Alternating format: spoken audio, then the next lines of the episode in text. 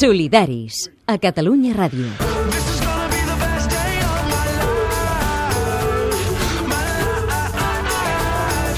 No fem diferències. I abans de marxar, un últim comentari d'un dels nostres col·laboradors, que a més a més ara feia temps que no el sentíem, per parlar també d'abusos de poder, quan una persona o una organització de persones es creuen amb tanta autoritat per damunt dels altres com per coaccionar-los i sotmetre'ls fins al punt d'afectar-los a la salut mental. L'assetjament.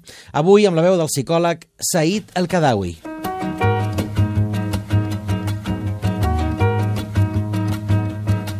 si van veure els oients el reportatge de 30 minuts herois, eh, una sèrie de gent que descobreix casos de corrupció i els denuncia, tot el que s'enfronten, la marginació que això suposa per ells, en comptes d'afavorir una sortida raonable o ser valorat el gest que han tingut, doncs el que, el que, que fan és que queden estigmatitzats, apartats i amb una situació de soledat molt gran.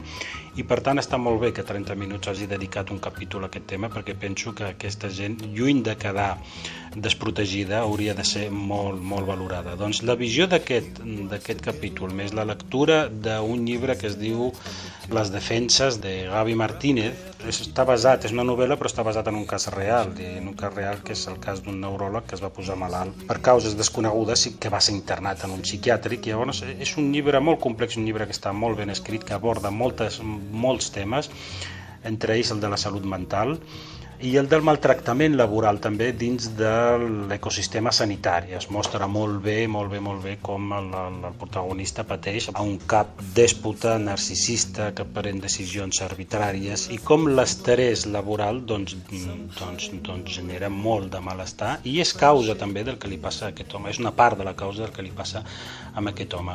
Perquè el que voldria parlar és precisament d'això, del maltractament laboral en institucions que poden ser de salut, de salut mental també, també també és un dels motius que porta la gent a la consulta, al psicòleg, o sigui, el fet de ser maltractat laboralment.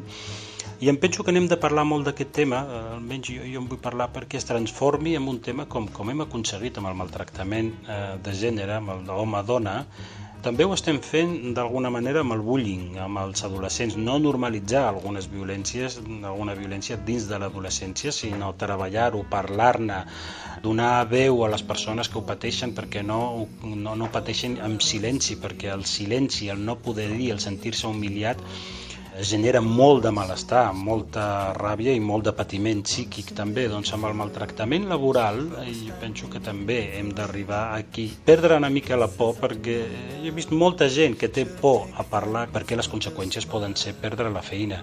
Llavors, això que passi en un estat democràtic i dins d'institucions sanitàries és molt greu. Doncs això, denunciar, parlar, apartar aquesta gent que fa la vida impossible de tanta gent que vol treballar bé.